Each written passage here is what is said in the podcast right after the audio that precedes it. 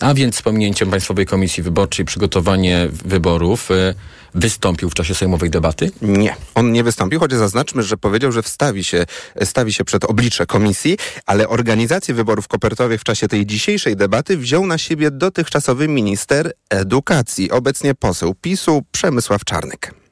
Wykażemy, jeśli komisja będzie działała zgodnie z prawem, wykażemy, że to wy zablokowaliście wybory. Że to wy doprowadziliście do tego, że te kilkadziesiąt milionów złotych, które trzeba było wydać na ich przygotowanie, że te kilkadziesiąt milionów złotych zostało wydatkowane w ten sposób, że nie doszło do wyborów z waszego powodu. Rafał Trzaskowski mówił, to my, to my, samorządowcy z wielkich miast, do, zablokowaliśmy te wybory. A więc poseł Czarnek oskarża samorządowców o bojkotowanie wyborów. Ale sęk w tym, że już są wyroki sądów, które wskazują, że właśnie przekazywanie danych wyborców przez niektórych samorządowców było y, pozaprawnym, y, pozaprawne pozaprawne, przepraszam, i przypomniała o tym m.in. posłanka PSL-u Bożena Żelazowska. Kiedy ogłoszono wybory kopertowe na prezydenta Polski w 2020 roku, które kosztowały nasz kraj 70 milionów złotych, obowiązywały i wciąż obowiązują w naszym kraju przepisy RODO, przepisy o ochronie danych osobowych. Niestety wójtowie, burmistrzowie, prezydenci miast byli zmuszeni do tego, aby przekazać dane osobowe swoich mieszkańców Poczcie Polskiej. I to oni, drodzy Państwo, do dzisiaj, od tamtego czasu ponoszą największe konsekwencje. A więc złamanie prawa i nie tylko przepisów o RODO, ale także po prostu działanie poza prawem, bo ustawa, na podstawie której chciał działać minister Sasin już działał, jeszcze nie weszła w życie i przypomniała o tym posłanka lewicy Joanna Szojring-Wielgus. Cytuję. Na 100% jestem przekonany, że uda się 10 maja przeprowadzić wybory korespondencyjne. PWPW już drukuje karty do głosowania. Koniec cytatu. Kto jest autorem? Znakomity Jacek Sasin, ale kluczowe jest, kiedy on to powiedział, bo powiedział to 22 kwietnia 2020 roku. I kiedy to mówił, przepisy, które miało rzekomo dawać mu możliwość przeprowadzenia wyborów korespondencyjnych, halo, nie weszły jeszcze w życie. Posłowie nowej sejmowej większości zapewniają, że ta pierwsza komisja do spraw wyborów kopertowych mogłaby zacząć pracę jeszcze w tym roku i już po trzech, czterech miesiącach przygotować raport, który mógłby wylądować na biurkach prokuratorów. No i bardzo jestem ciekaw. Wiadomo, kto będzie w tej komisji? Posłowie jeszcze nie chcą zdradzić, to kwestia najbliższych tygodni, ale już się mówi, że do tej komisji mógłby wejść, a nawet szefować jej na przykład Michał Szczerba albo Dariusz Joński z Koalicji Obywatelskiej. Oni przeprowadzali wiele kontroli poselskich, więc na pewno by się do tego nadawali. I o tym Maciej Kluczka prosto z naszego sejmowego studia. Będzie nowy projekt w sprawie zmiany definicji gwałtu. Ma zostać złożony w Sejmie w Dzień Kobiet, czyli 8 marca przyszłego roku. Poprzedni przeleżał w sejmowej zamrażarce 2,5 roku. Po zmianach w prawie brak świadomej zgody na seks oznaczałby gwałt. Teraz w Polsce cały czas to kobieta musi udowodnić, że powiedziała wystarczająco głośno i wyraźnie nie, mówi Anita Kucharska-Dziedzic, posłanka Lewicy, która składała poprzedni projekt ustawy. Mam nadzieję, że tym razem przy tej większości sejmowej uda się rzeczywiście prowadzić Polskę do, do listy krajów cywilizowanych, bo tych naprawdę krajów, które już zmieniły definicję zgwałcenia jest 17, więc chciałabym, żebyśmy do tych krajów dołączyli. Najczęstsze kary za gwałt to wyroki w zawieszeniu. Polskie sądy są statystycznie dwa razy łagodniejsze wobec gwałcicieli niż sądy w innych krajach europejskich. A mówimy o tym w ramach akcji TOK FM Reaguj na przemoc. Codziennie informujemy, jak przeciwdziałać przemocy, jak skutecznie reagować i gdzie szukać wsparcia. Więcej na temat tej akcji na stronie tokfm.pl ukośnik reaguj. Polska nie jest gotowa na obronę przed atakami hybrydowymi. Taki wniosek płynie z raportu Najwyższej Izby Kontroli.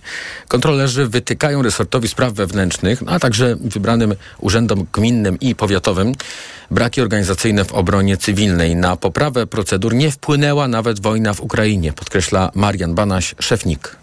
To gorsza. W kwietniu 2022 roku uchylone zostały jedyne przepisy rangi ustawowej określające sposoby realizacji zadań związanych z obroną cywilną, to jest ustawy o powszechnym obowiązku obrony Rzeczypospolitej Polskiej. Braki działających mechanizmów zarządzania kryzysowego, no to na przykład nieefektywne plany ewakuacji mieszkańców. Skrajny przykład niedopatrzeń stwierdzono w starostwie powiatowym w Nysie. Tamtejszy plan zarządzania kryzysowego dotyczył w ogóle innego powiatu. To znaczy powiatu brzeskiego, a nie nyskiego, jak y, powinien dotyczyć. NIK ma y, na ten problem y, zwracała uwagę już pięć lat temu i wtedy mówiła, że ustawa jest pilnie potrzebna w tej sprawie, ale y, później przepisami już y, Sejm się nie zajął. Do tego tematu jeszcze będziemy wracać w podsumowaniu dnia w rozmowie z dr Pauliną Piasecką, dyrektorką Centrum Badań nad Terroryzmem Kolegium Civitas. Jutro o tej porze powinniśmy być już po wysłuchaniu informacji premiera Mateusza Morawieckiego o kryzysie na granicy polsko-ukraińskiej. Wniosek o przedstawienie sejmowej informacji przez premiera złożyła Konfederacja, a przystał na niego marszałek Izby Szymon Hołownia. Przejścia z Ukrainą od ponad trzech tygodni blokuje część polskich przewoźników, domagając się m.in. przywrócenia systemu zezwoleń na wjazd do Polski dla ciężarówek z Ukrainy. Ukraińscy kierowcy ostrzegają, że każdy kolejny dzień blokad grozi wypadkiem, bo w kilometrowych kolejkach liczących setki tirów co najmniej kilkadziesiąt to transporty paliwa, gazu i materiałów niebezpiecznych. W Dorochusku jest reporter TOK Tomasz Fęskę. Tomku, na razie nie widać końca tego protestu, a Zrzeszenie Polskich Przewoźników ostrzega przed możliwym kryzysem humanitarnym. Jak sobie y, radzą kierowcy teraz, kiedy y, robi się przecież coraz zimniej? Ja te warunki widziałem na własne oczy. Słuchacze mogą sobie tylko wyobrazić czekanie w, w, kabinie ciężarówki czasem dłużej niż tydzień, bez dostępu do prysznica. Jeden z kierowców powiedział mi wczoraj około e, 17, że od rana przejechał 300 metrów. E, no jak mówi Anatolii i jego koledzy, dojeżdżając do końca kolejki, naprawdę nie wiadomo czego się spodziewać. Perspektyw nie ma nijakich. Policja skazała, że przyjedzie i będzie wyciągać z kolejki. A kiedy to będzie, nie wiem, mamy frukty, banany банани na Ukrainę. A te banany to ile wytrzymają tak w ciężarówce? Chłodnia tримає все, ale є термін доставки. I jaki ma pan termin? Do kiedy? Сім днів. Siedem? Siedem dni. W domu ktoś czeka? Tak, w Charkowie. I kto tam jest? Żona, дочка, мама. Tęskni pan pewnie, co? Ну так, звісно. Додому треба. Тому що вдома теж маємо свої проблеми із-за війни. Co pan wiezie, jeżeli mogę zapytać? Gaz wiezie. I to nie jest tak, że pan powinien poza kolejką? No to powinna policja mnie sprowadzić do przodu, bo ja nie wiem, co tam się dzieje. Zawołać mnie i my powinni z policjami pojechać do przodu. Do jakiegoś wypadka. Jak będzie wypadek, to tutaj mama. Jakie perspektywy? Jakie perspektywy? Choć trochę poczęli jechać, a to wczoraj nic nie jechali. Pytałem protestujących y, polskich przewoźników, jak to jest, że w kolejce stoją ciężarówki z gazem, z olejem napędowym i inne wiozące tak zwane ADR, czyli materiały niebezpieczne, bo takie transporty powinny być przepuszczane bez przeszkód. Marek Okliński, przewoźnik z 25-letnim stażem, tłumaczył mi, że o kolejności przekraczania granicy decydują Ukraińcy, którzy mają jakiś no, swój system kolejkowy. Proszę pana, o, ja mam przykład numerek, które oni między sobą jest? zrobili. Tak, to są numery auta, to jakaś tam firma i żebyśmy my pilnowali, to są numerki ze zwykłej kolejki, z tej takiej no nieuprzywilejowanej, z całej kolei, nieuprzywilejowanej. Beczki jadą. Gdyby w nocy ukraińscy kierowcy nie, nie przetrzymywali tych beczek, ich by tu dzisiaj już nie było. No faktycznie jest tak, że Ukraińcy między sobą ustalają kto i kiedy i z czym przekroczy granicę. Rozmawiałem o tym z Siergiejem, który stoi tuż przed samą granicą. Pilnuje kolejku. Czyli pan sprawdza, czy to jedzie, nie wiem, paliwo, czy sprawdza, pomoc? Czy jedzie chłodniki, pomoc, ADR-y. Pilnuje, żeby nie jechały poza kolejkę. Ja stoję dwa tygodnie tutaj. Całą dobę, cały czas. Ta koleja podejdzie, ja pojedę dalej na Ukrainę. Jeszcze 200 aut do mnie. Jedne stoję spokojnie, drugie wymyślają, żeby czego zrobić, jakby to szybciej, to szybciej nie będę. To tylko stresuje, nerwuje i, i koniec. W organizacji i konwojowaniu cystern pod granicę pomaga też policja. Wodę i jedzenie kierowcy dostają od wolontariuszy. Rozdajemy zupę już w sumie od tygodnia. Starostwo nas wysłało.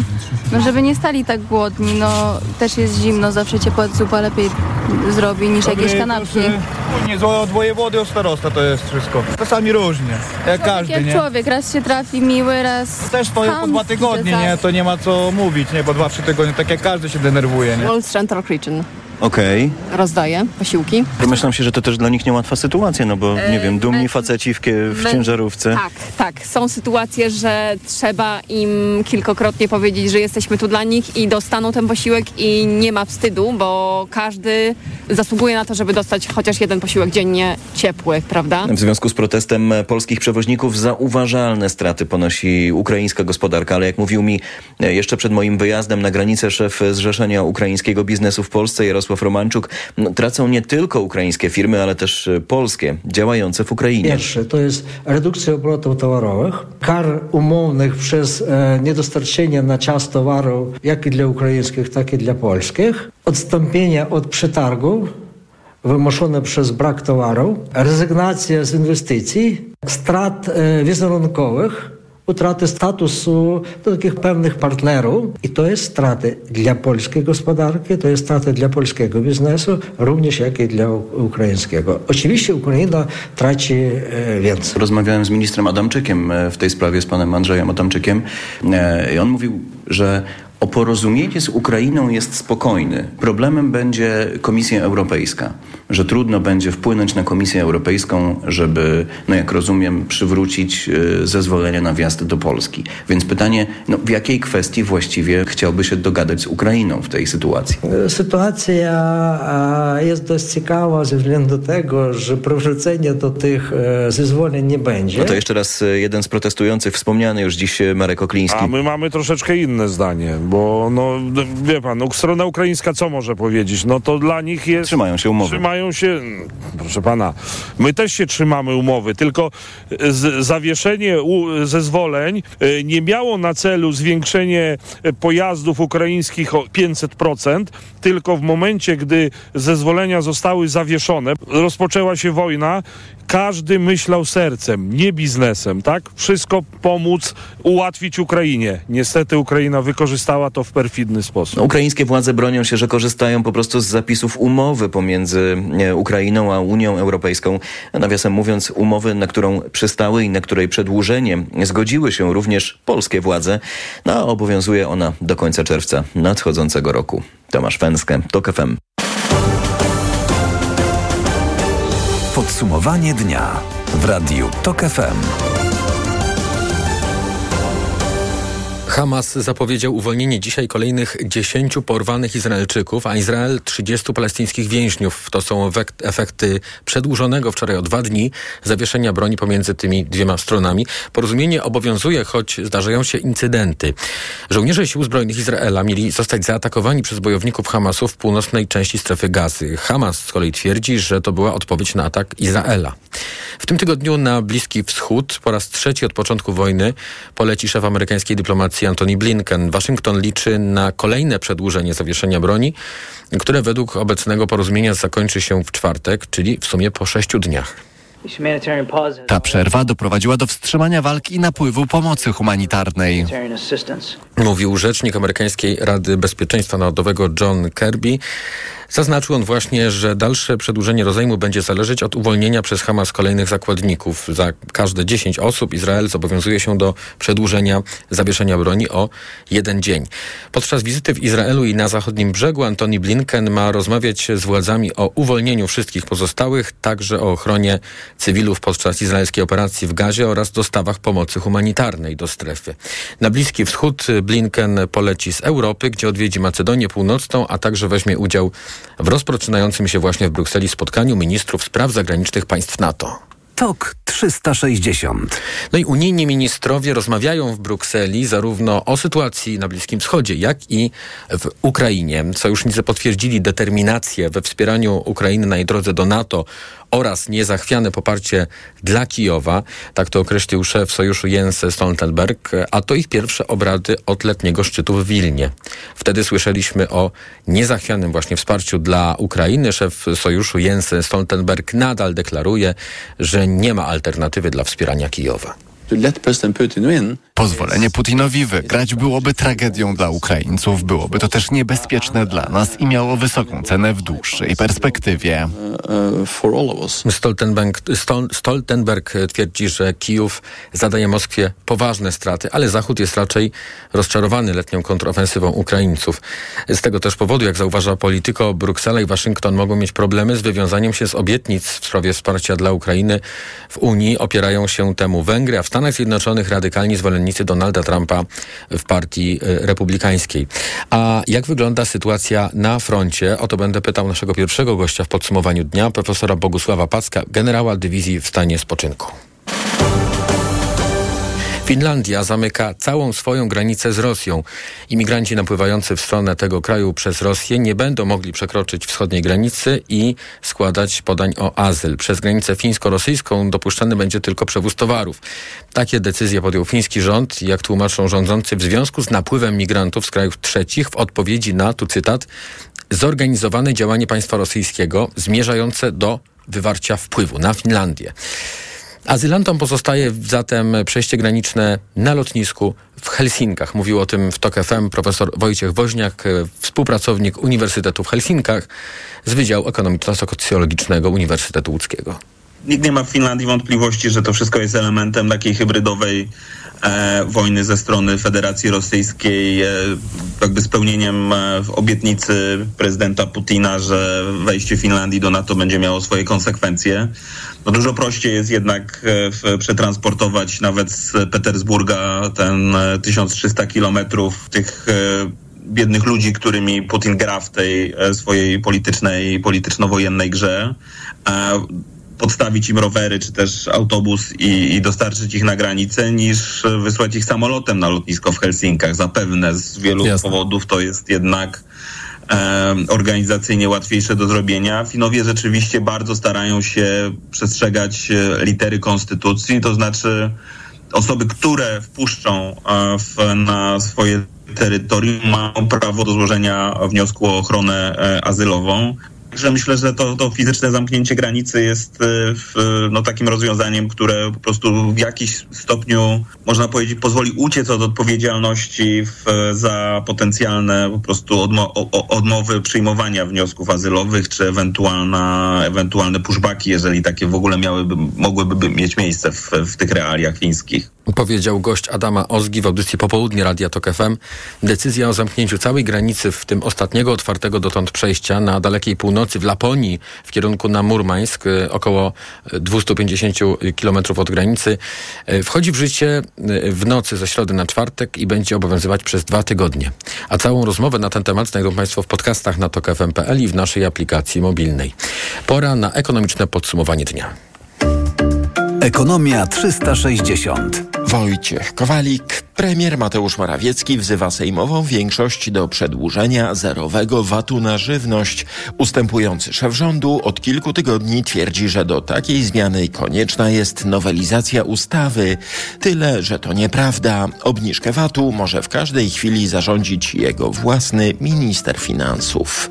O szczegółach Tomasz Setta. Narzędzia do obniżki VAT-u są. Wystarczy do tego zwykłe rozporządzenie. Premier Morawiecki o tym wie, ale i tak upiera się przy ustawie. Niektórzy pytają, dlaczego nie rozporządzeniem? Rozporządzeniem ministra finansów, drodzy rodacy, może być bardzo szybko zmienione rozporządzeniem ministra finansów. Zdaniem PiSu tylko ustawa daje gwarancję, że nowy rząd nie cofnie obniżki VAT-u. Losy tego podatku ciągle nie są przesądzone, mówi szef Sejmowej Komisji Finansów Janusz Cichoń z KO. Minister finansów będzie tutaj podejmował w gruncie rzeczy decyzję. Rozumiem, że po konsultacji z premierem i po analizie sytuacji także polskich gospodarstw domowych. Poza utrzymaniem zerowego VAT-u premier Morawiecki wzywa też do przedłużenia wakacji kredytowych i mrożenia cen energii. Tomasz Setta, TOK FM.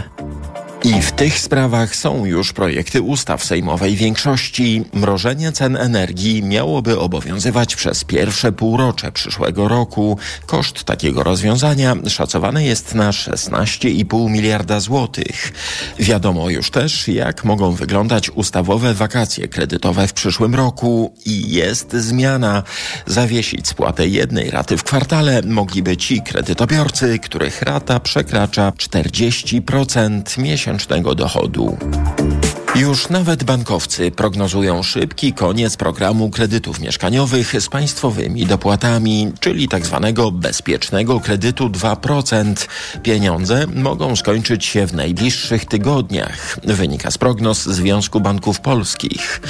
Budżet tego programu na ten i przyszły rok to niespełna miliard złotych i już wykorzystano z niego 3 czwarte pieniędzy, mówi Agnieszka Wachnicka, wiceprezes ZBP przewidywano, że zostanie zawartych w tym i kolejnym roku łącznie 50 tysięcy umów. W tej chwili już mamy powyżej 40 tysięcy, więc y, widać, że ten budżet y, zbliża się do wyczerpania. Wtedy na początku przyszłego roku Bank Gospodarstwa Krajowego ogłosiłby wstrzymanie przyjmowania kolejnych wniosków.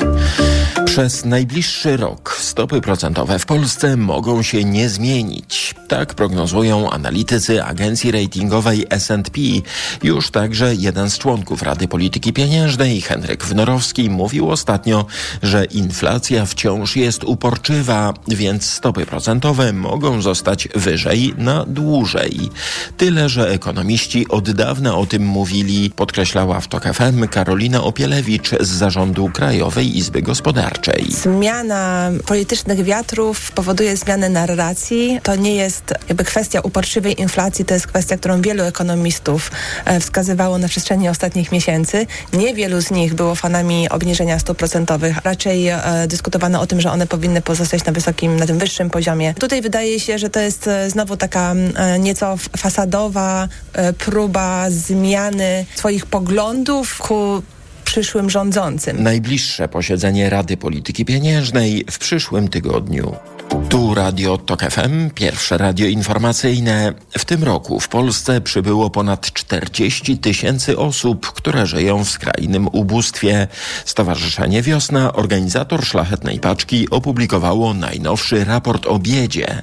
Wynika z niego, że milion 800 tysięcy Polaków musi przeżyć za nieco ponad 700 zł miesięcznie, mówi współautorka raportu Magdalena Łukasik. 3% badanych nie stać na podstawowe zakupy, takie jak pieczywo czy nabiał. 5% nie kupuje mięsa, ryb lub owoców. 7% ma problem z regulowaniem rachunków za media, a 8% z opłaceniem czynszu. Do tego tematu wracamy o 18.40 w magazynie TOK 360. Naszą gościnią będzie szefowa Stowarzyszenia Wiosna Joanna Sadzik.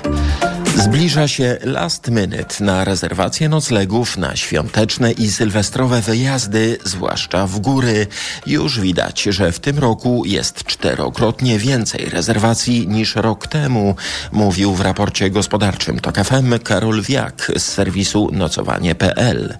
I teraz dobra informacja, jest nawet taniej niż rok temu. W przypadku niektórych miejscowości możemy mówić o tańszych noclegach, szczególnie, że jest to wartość poniżej 100 zł od osoby za dobę.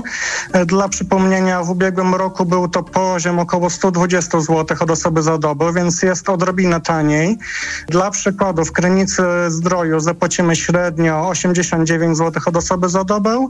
Tymczasem w Wiśle czy w Bukowinie Tatrzańskiej jest to już od 90 do 100 zł od osoby za dobę, natomiast w Zakopanem to kwota około 120 zł. W Karpaczu, Białce Tatrzańskiej czy Poroninie jest to już przedział rzędu 130-150 zł od osoby za dobę. Jak dodaje ekspert, to też dobry moment na rezerwację noclegów na ferie zimowe. Przykłady z poprzednich lat pokazują, że rezerwacja jeszcze w listopadzie jest średnio o 12% tańsza niż w grudniu. Złoty coraz mocniejszy. Euro kosztuje 4 zł 32 grosze, frank po 4,48, dolar 3,93, a funt na granicy 5 złotych. Ekonomia 360.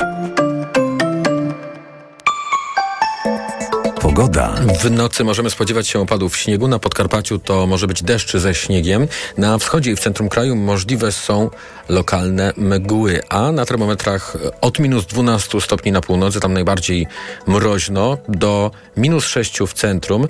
No, jeszcze taki wyjątek południowy wschód, tutaj minus 4 stopnie, więc najcieplej. Radio TOK FM. Pierwsze radio informacyjne. TOK 360. Za chwilę połączymy się z profesorem Bogusławem Packiem, generałem dywizji w stanie spoczynku, dyrektorem Instytutu Bezpieczeństwa i Rozwoju Międzynarodowego e, z Uniwersytetu Jagiellońskiego. Będę pytał o sytuację na froncie w Ukrainie. Reklama. RTV Euro AGD. Uwaga! Wielki finał Black Friday Weeks. Tysiące okazji i dodatkowo aż dwie raty gratis. Smartfon Samsung Galaxy A23 5G. Najniższa cena z ostatnich 30 dni przed obniżką to 999. Teraz za 899 zł. I do kwietnia nie płacisz. 30 rat 0%. RRSO 0%. Tylko do czwartku. Szczegóły i regulamin w sklepach i na euro.com.pl. mBank prezentuje kurs samoobrony przed cyberoszustami. Atak oszustwem na pracownika banku. Halo? Dzwonię z banku. Widzimy dziwną aktywność na pani koncie. Musimy działać szybko. Działaj szybko. Chwila. Kiedy dzwoni pracownikiem banku, powinnam dostać powiadomienie w aplikacji, z kim rozmawiam. Brawo! Uniknęłaś ataku cyberoszusta, bo zachowałaś spokój i zdrowy rozsądek. A klientom mBanku pomaga też aplikacja mobilna. Sprawdź jak się bronić na mbank.pl ukośnik samoobrona w sieci. Koniec roku? Czas na zmiany. Odważna stylistyka, nowoczesna technologia oraz frajda z jazdy czekają na Ciebie. Opel Astra, Mokka i dostawcze Movano z wyprzedaży rocznika 2023 są jeszcze dostępne. Wyjedź z salonu swoim nowiutkim Oplem przed nowym rokiem.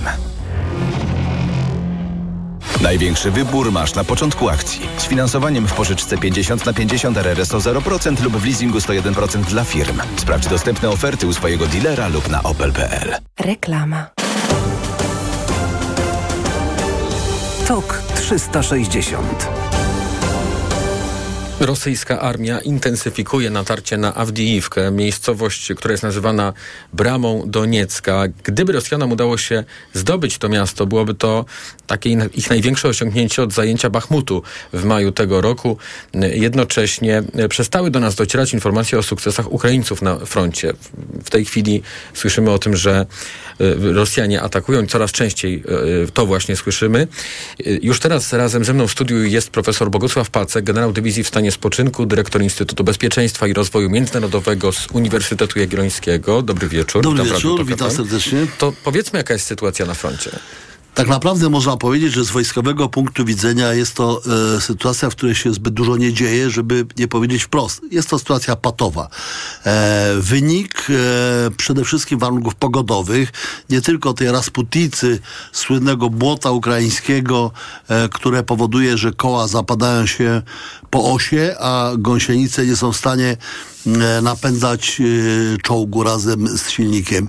E, to jest kwestia silnych wiatrów, to jest kwestia dodatkowych, bardzo istotnych warunków pogodowych, ale, i tutaj to ale też jest ważne, wojna na wyczerpanie, prowadzona zarówno przez Rosjan, jak i przez Ukraińców, jest wojną pozycyjną, jako żywo do złudzenia przypominającą pierwszą wojnę światową, w której to można powiedzieć, że obydwie strony licytują się ilością czy liczbami wystrzelonych pocisków artyleryjskich, ofiar oczywiście, podkreśla to jedna i druga propaganda, bo tak nazywam ten strumień informacyjny z jednej i z drugiej strony. Sytuacja patowa, w której te strony sobie obydwie zdają sprawę z tego, że będą mogły do, aż do mrozów jeszcze wyczerpywać te siły, jeszcze będzie trochę więcej zniszczeń, więcej tej infrastruktury wojennej tam występującej padnie, więcej ludzi zginie po jednej i po drugiej stronie, ale to nie są jakieś wielkie działania. Awdijiwka jest wyjątkiem, rzeczywiście, trochę też Bachmut, ale bardziej Awdijiwka z punktu widzenia Rosjan. To się stało takie kluczowe miejsce, które ma pewien sens operacyjny, ponieważ pokonanie Awdijiwki, pokonanie tej bramy rzeczywiście prowadzącej do Doniecka dałoby szansę na realizację tego, o czym Rosjanie marzą albo planują od wielu, wielu miesięcy. Przypominam, że w ubiegłym roku i to bardzo dawno temu Władimir Putin postawił cel zdobyć do końca obwód Doniecki. Ługański jest zdobyty. Doniecki nie do końca, on jest częściowo w rękach ukraińskich. E, no i z tego powodu też i Bachmut trochę i Awdijiwka. I ta Awdijiwka operacyjnie jest niebezpieczna e, dla Ukraińców. To jest możliwość wejścia z drugiej strony, jak gdyby do Doniecka, niż ten, który był, e, niż ta strona, która była do tej pory realizowana. I tam e, ta obrona, e, mam przekaz bezpośredni od ludzi, którzy tam są w Awdijiwce, e, wtedy, kiedy są luzowani też od rannych, którzy zostali wywiezieni z Awdijiwki, z, obro- z jednej z brygad obrony terytorialnej. E, wiem, że jest im bardzo Ukraińcom ciężko. Naprawdę e, to jest makabra, to co oni tam przeżywają i Rosjanie mają przewagę, nie ma co tu ukrywać. Rosjanie mają A w jakim przewagę. kierunku to zmierza? Bo jeszcze wiosną myśleliśmy o kontrofensywie jako takiej nadziei na przewagę Ukraińców, a czy teraz są nadzieje na to, że te siły mogą y, być przeważające ukraińskie? Nie ma żadnych, powiedzmy sobie szczerze, żeby w tym roku skończyło się to jakimś spektakularnym sukcesem, ale też nie widać niczego takiego, co mogliby zrobić Rosjanie. Stąd też patowa sytuacja. Przewagę mają Rosjanie i tutaj nie ma co ukrywać, bo sam fakt, że ta kontrowersja się zatrzymała w obodzie zaporowskim, że pokonano pierwszą linię, jedną z trzech linii obrony Rosjan i ani kroku tak naprawdę dalej, bo to są kroki e, bardzo małe albo pozorne, no pokazuje, że to Rosjanie zrealizowali swój cel, zatrzymali, zatrzymali ofensywę ukraińską na tym głównym kierunku nadarcia. Natomiast tutaj to przechodzi czasami z rąk do rąk. Jest, to jest symbol dla Rosjan, tak jak Bachmut jest symbolem dla Ukraińców i tam też ciągle coś się dzieje. Ukraiński wywiad e, potwierdził, że e, żona szefa tegoż wywiadu e, zatruła się, czy została zatruta metalami ciężkimi.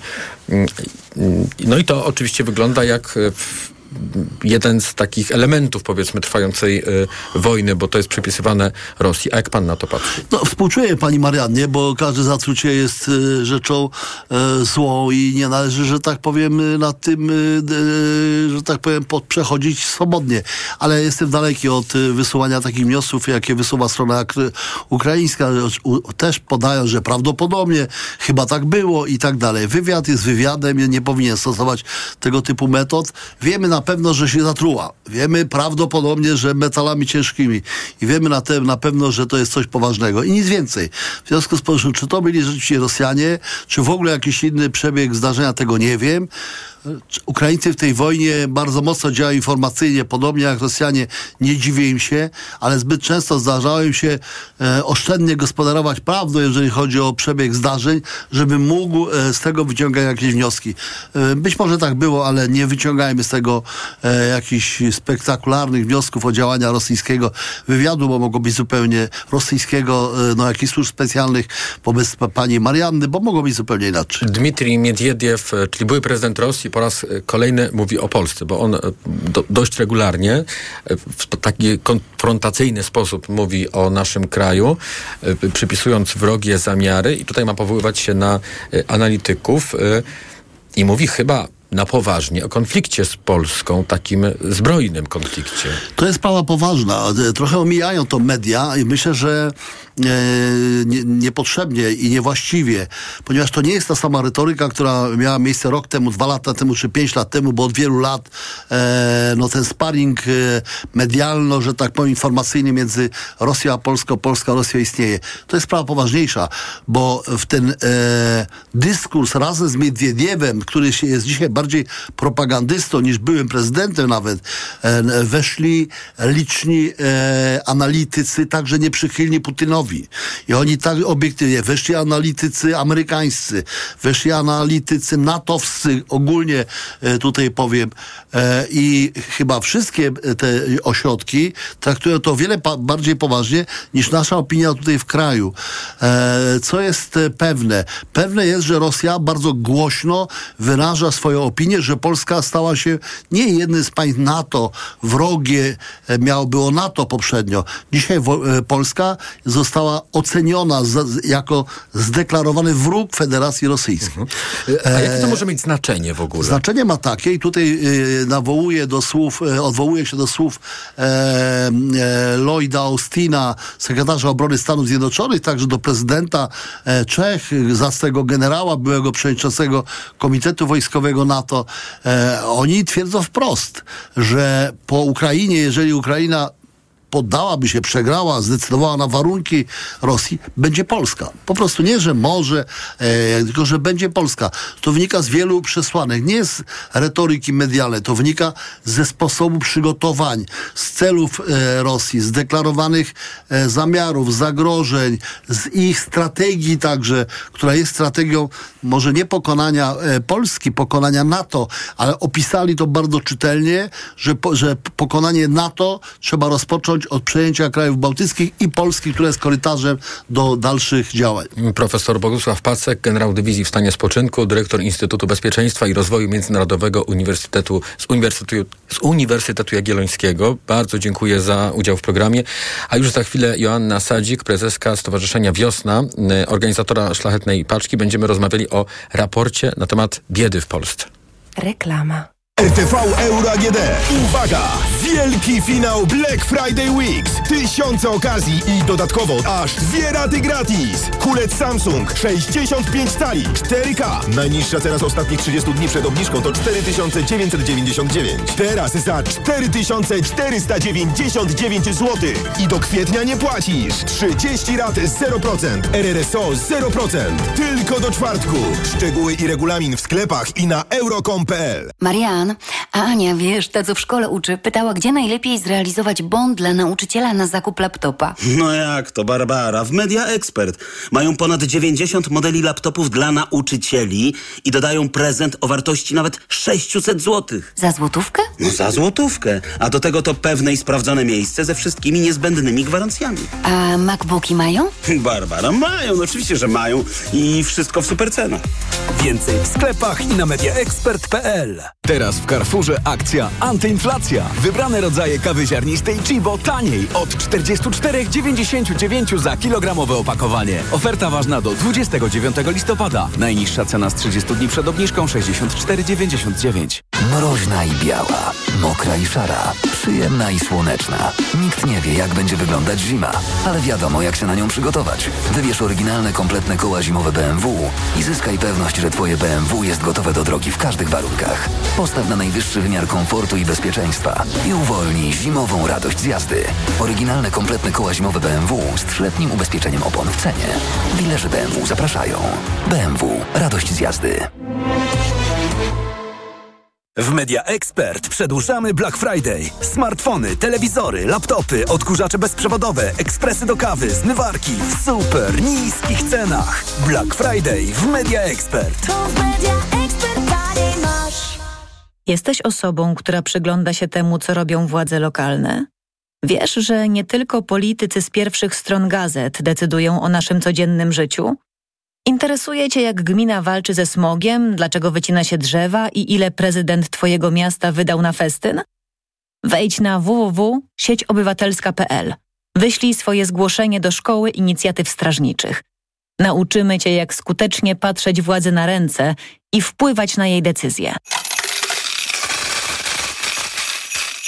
Kiedy prowadzisz firmę, wiesz, że liczy się każda złotówka. A kiedy możesz zyskać nawet 2450 zł, wiesz, że czekają na Ciebie świąteczne prezenty od Orange dla firm. Tablet i drugi smartfon za złotówkę oraz abonament na Orange Światłowód w prezencie przez pół roku. Zapraszamy do salonów i na orange.pl. Teraz masz 2450 powodów. Orange dla firm. Dobrego jutra. Jako dietetyk na wątrobę zawsze polecam Proliver, ponieważ zawiera składniki wspierające właściwą pracę wątroby. Często ze względu na dietę, wiek czy masę ciała zwracam uwagę na poziom cukru we krwi. Wtedy proponuję nowość Proliver Diabeto. Suplement diety Proliver Diabeto dba o wątrobę, a dodatkowo zawiera wysoką dawkę morwy białej, która przyczynia się do utrzymania prawidłowego poziomu cukru. Stosując Proliver Diabeto osiągamy obie te ważne korzyści. Proliver Diabeto, zdrowa wątroba i prawidłowy poziom cukru. Aflofarm. Wyciąg z liści karczocha wspiera utrzymanie zdrowej wątroby. Cześć wszystkim, tutaj Tomek. Słuchajcie, mam nowy samochód. Byłem na wyprzedaży w Toyocie i wyjechałem z salonu Corollą. Piękne, nowoczesne auto, hybryda piątej generacji. Wyświetlacz 12,3 cala z cyfrowym kokpitem. Jest też system multimedialny z kolorowym ekranem dotykowym w HD 10,5 cala. A to wszystko teraz w dobrej ofercie i to z korzyścią aż do 16 300 zł. Niesamowita sprawa ta wyprzedaż w Toyocie. Polecam. Reklama. TOK 360. W ciągu roku przybyło w Polsce 40 tysięcy osób, które nie są w stanie zabezpieczyć swoich podstawowych potrzeb. Takie informacje przynosi raport, raport o biedzie, który przygotowało Stowarzyszenie Wiosna. Łączymy się z Joanną Sadzik, prezeską tego stowarzyszenia, które jest organizatorem Szlachetnej Paczki. Dobry wieczór, witam w Radiu TOK FM. Dobry wieczór. No i właśnie będziemy się na liczby powoływać, które y, robią wrażenie, bo milion osiemset tysięcy Polaków to są osoby, które y, żyją w skrajnym y, ubóstwie, a dane dotyczą ubiegłego roku. Co by pani wyróżniła, jeśli chodzi o te wskaźniki i z czego wynika to, że biedniejemy? E, Biedniemy dlatego, że e, inflacja i tutaj e, rzeczywiście no, ja czasem słyszę od polityków, że ta bieda się nie zmieniła od zeszłego roku, że tak naprawdę jeżeli chodzi o liczby, jak popatrzeć w tabelki, to e, w zasadzie tak jak w 2021 roku prawie 2 miliony Polaków żyło w skrajnej biedzie, to tak samo jest teraz.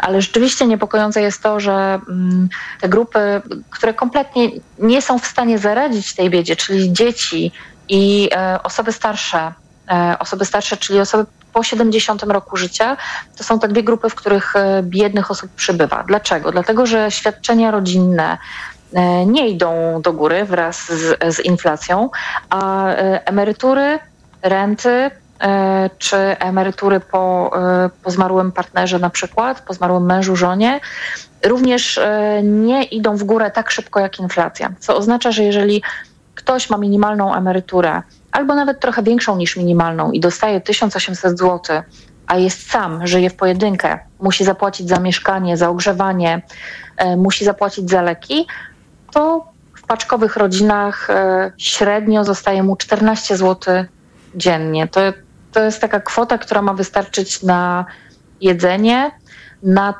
naprawę pralki na przykład, która się zepsuła, e, na e, ciepłą kurtkę na zimę, na wymianę okna. Jest po prostu niemożliwością oszczędzić e, z tych 14 zł mhm. jakichkolwiek pieniędzy. Nie mówiąc o tym, że słyszymy od osób starszych, i to jest przerażające bardzo często, że po prostu nie jedzą, nie dojadają do 15 jeszcze sobie jakoś radzą z jedzeniem, a potem już czekają na kolejną emeryturę. Dlaczego Państwa raport jest y, y, tak ważny? Czy to jest tak, że jeśli my nie mm, poznamy właśnie tych, tych ustaleń naszego raportu, to możemy żyć w błędnym przeświadczeniu, że ktoś, kogo mijamy na ulicy, nie jest dotknięty y, tym y, kryzysem, y, no bo nie sprawia takiego wrażenia. Ale co innego się dzieje w domu, w domowym budżecie i, i to jest po prostu ukrywane, ta bieda chyba, prawda? Ja zapraszam Państwa na stronę szlachetnapaczka.pl. Poczytajcie historię, takie mm, opisy, historie rodzin, którym, e, którym i Wy możecie pomóc. Mm, to są takie historie właściwie ludzi, którzy mm, pozornie wszystko mają. Jest mama, tata, chodzą do pracy, mają dwoje dzieci. Jak popatrzymy głębiej, to okazuje się, że oni bardzo wstydzą się tego, że nie potrafią dla swoich dzieci zapewnić e, takich bardzo podstawowych rzeczy, jak żywność, jak buty na zimę, jak to, żeby miały e, na przykład każde z dzieci, żeby miało swoje łóżko. E, I, I śpią mama z dwójką, śpi na kanapie, tata śpi na podłodze. Wstydzą się, dlatego że e, uważają, że powinni sobie poradzić. Tak jesteśmy wychowywani, żeby nie prosić raczej o pomoc a y, ich sytuacja wynika z tego, że y, koszty ich kredytu na przykład poszły tak w górę, albo koszty wynajmu mieszkania poszły w górę dużo więcej niż inflacja. W dużych miastach czasem to jest 100 i więcej procent, mm, że no tak, chcąc gdzieś mieszkać, nie są w stanie, nie są w stanie kupić dzieciom na przykład łóżka jest tak, że trafiamy do, mm, do rodzin. Za każdą z tych liczb kryje się po prostu twarz. Twarz y, człowieka, e, który. No, to jest przejmujące, jak, jak trafiamy do, do dziewczynki, do Amelki, która mm, mówi, że marzy o tym, żeby w jej domu e, było ciepło, dlatego że wtedy mogłaby normalnie odrabiać lekcje, a tak to. Czasem zdarza jej się na przerwie, że e, jest w stanie coś napisać w swoim zeszycie, ale zwykle nie odrabia wszystkich lekcji, nie daje rady z zimna w domu. No i nauczycielki e, tego nie rozumieją, denerwują się w szkole, a ona wstydzi się do tego przyznać, e, że po prostu jest jej zimno i nie jest w stanie pisać z grabiałymi rękami w mhm. zeszytach. Państwo mogą mieć różne wyobrażenia na temat tego, czym jest bieda. E, natomiast no, życie w skrajnej biedzie to jest e, konieczność przeżycia za e, około 750 zł miesięcznie, co jest bardzo trudne do wyobrażenia. Y, chciałem zapytać Panią jeszcze o to, mm, jaki skutek chcielibyście odnieść właśnie publikując ten raport, no bo walka z problemem biedy, tym bardziej jak już ktoś stał się biedny, wyjście z tego to jest coś bardzo trudnego bardzo trudnego i bez drugiego człowieka, moim zdaniem, to jest prawie niemożliwe. E, jak e, słyszymy o tym, że ktoś wychodzi z bezdomności, e, wychodzi z choroby alkoholowej, ktoś zaczyna sobie radzić sam, wychodząc z pieczy zastępczej albo z domu dziecka, to tak naprawdę we wszystkich tych historiach takich dobrym zakończeniem jest drugi człowiek. Drugi człowiek, który gdzieś tam się znalazł, podał rękę, zauważył, porozmawiał. E, tacy są wolontariusze Szlachetnej Paczki, ale też każdy z Państwa może być taką osobą, która e, rozglądnie się wokół siebie i e, ten nasz raport o biedzie chcemy, żeby był taką taką pigułką na wrażliwość, żebyśmy przeczytali ten raport i zobaczyli, że wokół nas są osoby biedne i to na nas wszystkich wpływa, bo przecież Amelka, która nie odrabia lekcji, nie zdobędzie dobrego zawodu, co oznacza, że e, prawdopodobnie za 20 lat ona będzie w tym samym miejscu, co jej rodzice teraz, czyli będzie potrzebowała naszej pomocy. Zauważajmy dzieci, zauważajmy osoby starsze, które często przepracowały całe swoje życie, ale pracując na przykład na stanowisku salowej w szpitalu i pomagając innym, w tym momencie ich emerytura absolutnie nie wystarcza na to, żeby no, nawet na talerz zupy, ciepłej zupy. Joanna Sadzik, prezeska Stowarzyszenia Wiosna, organizatora Szlachetnej Paczki, była razem z nami w podsumowaniu dnia. Bardzo dziękuję. Za chwilę połączymy się z dr Pauliną Piasecką, dyrektorką Centrum Badań nad Terroryzmem Kolegium Civitas, a będziemy rozmawiali o raporcie Najwyższej Izby Kontroli, który dotyczy Ministerstwa Spraw Wewnętrznych i Administracji.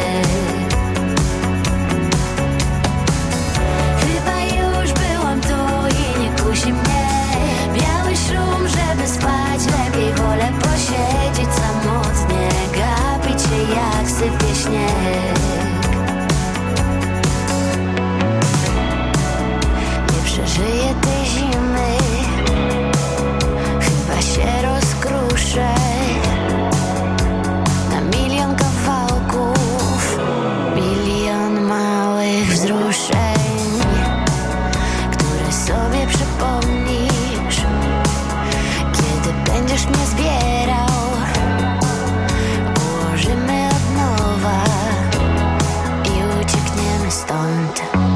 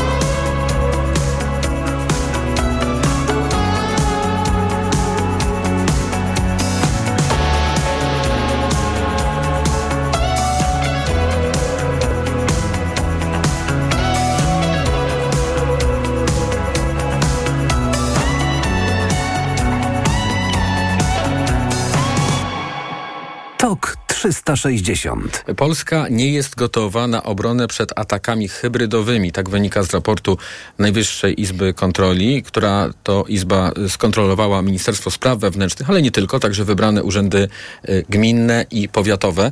Już teraz łączymy się z dr Pauliną Piasecką, dyrektorką Centrum Badań nad Terroryzmem Kolegium Civitas. Dobry wieczór, witam w Radiu Tok FM. Dobry wieczór panie redaktorze, dobry wieczór państwu. Obrona cywilna, y, procedury związane z y, ewakuacją ludności, to są, to są rzeczy, które mogą być tak na co dzień dla nas trochę abstrakcyjne. To może tak wprost zapytam, co w państwie nie działa, no, mm, co wynika z tego raportu? E, takim jednym chyba z najważniejszych momentów, w których NIK wykrył lukę, która może stanowić o zagrożeniu w wypadku wystąpienia jakiegoś kryzysu, jest luka, która powstała w wyniku wejścia w życie ustawy o obronie ojczyzny w kwietniu 2002 e, roku. 2002... Paradoksalnie. Tak jest, dokładnie. Ale wynika to nie z tego, że ta ustawa zrobiła coś złego, tylko raczej z tego, że nie dokończono procesów, które miały być powiązane z jej wejściem w życie. Otóż ta ustawa uchyliła przepisy ustawy o powszechnym obowiązku obrony RP, który regulował na poziomie ustawowym zagadnienia związane z obroną cywilną. E, nie regulowała ich ob ustawa o obronie ojczyzny ze względu na to, że procedowana miała być ustawa o ochronie ludności oraz o stanie klęski żywiołowej, która do tej pory nie weszła w życie, nie zakończyło się nawet mhm. procedowanie tej ustawy. E, w związku z tym powstała ogromna luka w takim naprawdę krytycznym mhm. z punktu widzenia konfliktu hybrydowego obszarze obrony państwa. A w jakiej sytuacji możemy się y, dotkliwie przekonać, że, że mamy taką luk, y, lukę w, w, w prawie? Co by się musiało stać? Biorąc pod uwagę, że mówimy tutaj o sytuacjach kryzysowych, które mogłyby uruchomić procesy, e, konieczność e, udzielenia wsparcia dużym grupom ludności, takie procesy mogą być uruchamiane z bardzo różnych przyczyn, od poważnych katastrof naturalnych, aż po kryzysy spowodowane przez człowieka, które wywołują przerwanie normalnego funkcjonowania państwa. E, to tak naprawdę w sytuacji jakiegoś ataku w formule wojny hybrydowej, który poważnie naruszyłby funkcjonowanie infrastruktury krytycznej państwa, zwłaszcza tej infrastruktury krytycznej, która służy do zapewniania realizacji najważniejszych potrzeb ludności, czyli na przykład w zimie systemu energetycznego, systemu y, grzewczego, który na przykład y, spowodowałby wystąpienie takiego kryzysu, który wywołałby konieczność dyslokacji dużych grup ludności w wyniku jakiegoś skażenia albo jakiegoś kryzysu czy zamieszania zamieszek na jakimś e, terenie w obszarze terytorium Rzeczypospolitej Polskiej. No jest takich sytuacji mnóstwo, które mogłyby spowodować, e, że okażemy się zupełnie bezbronni nie ze względu na brak pojedynczych mechanizmów, tylko ze względu na brak mechanizmów koordynujących i kontrolujących funkcjonowanie systemu bezpieczeństwa państwa w sytuacji kryzysowej. A proszę powiedzieć, to jest kwestia e, ustępującej większości sejmowej, ustępującego e, rządu, który być może, no bo ustawa o ochronie ojczyzny to, to nie jest tak odległy czas, e, na tej ostatniej prostej swoich rządów być może politycy byli czymś innym zajęci, to jest taka, taki, ta, taka wpadka dużych rozwiązań rozmiarów, ale jednak, czy też w ogóle w Polsce procedury, obrona cywilna, przygotowanie się na okoliczność X, to nie jest w naszej naturze niestety. Myślę, że nie powinniśmy być aż tak surowi w stosunku do naszego charakteru narodowego, tak to spróbuję określić, ale my rzeczywiście e, mamy swego rodzaju, może nie niechęć, ale pewien opór do takich rozwiązań o charakterze proceduralnym, do tworzenia takich checklist e, i odkreślania boksów, które bardzo starannie mówią nam, co zrobić. E, to żartobliwie, chociaż w tych w okolicznościach być może nie wypada żartować, zawsze się mówiło, że polski pilot to i na drzwiach od stodoły poleci, bo my jesteśmy słynni z improwizowania i z radzenia sobie No nie tak dawno mieliśmy historię opisywaną samolotu, który poleciał z Polski za ocean, który był w taki chałupniczy sposób naprawiony, więc tutaj, tutaj jest, jesteśmy bardzo blisko tego niestety czasami.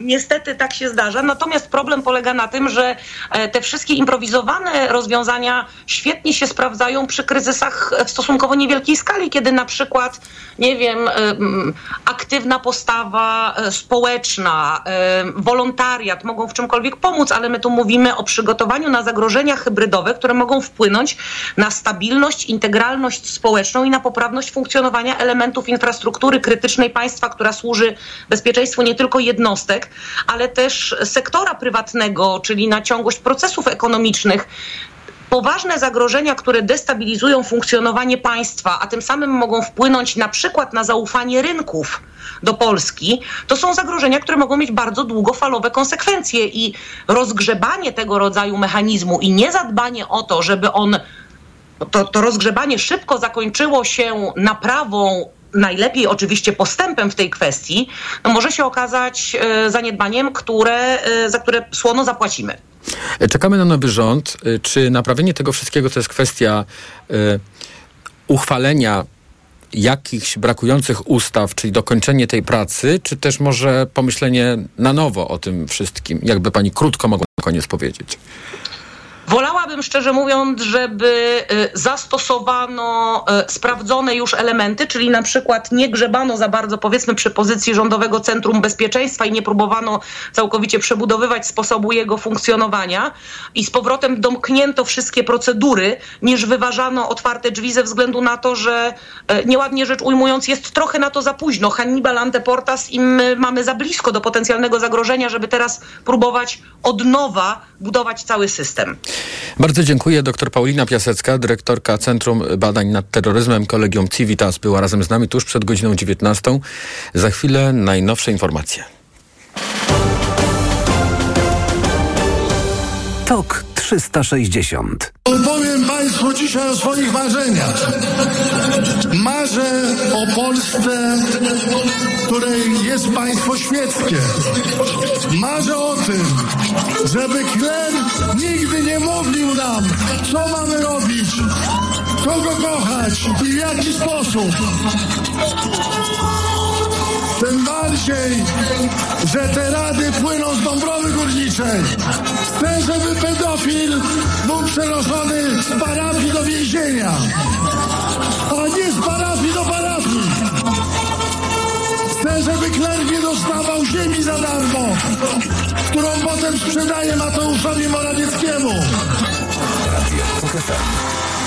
Pierwsze radio informacyjne. Posłuchaj, aby zrozumieć. Reklama.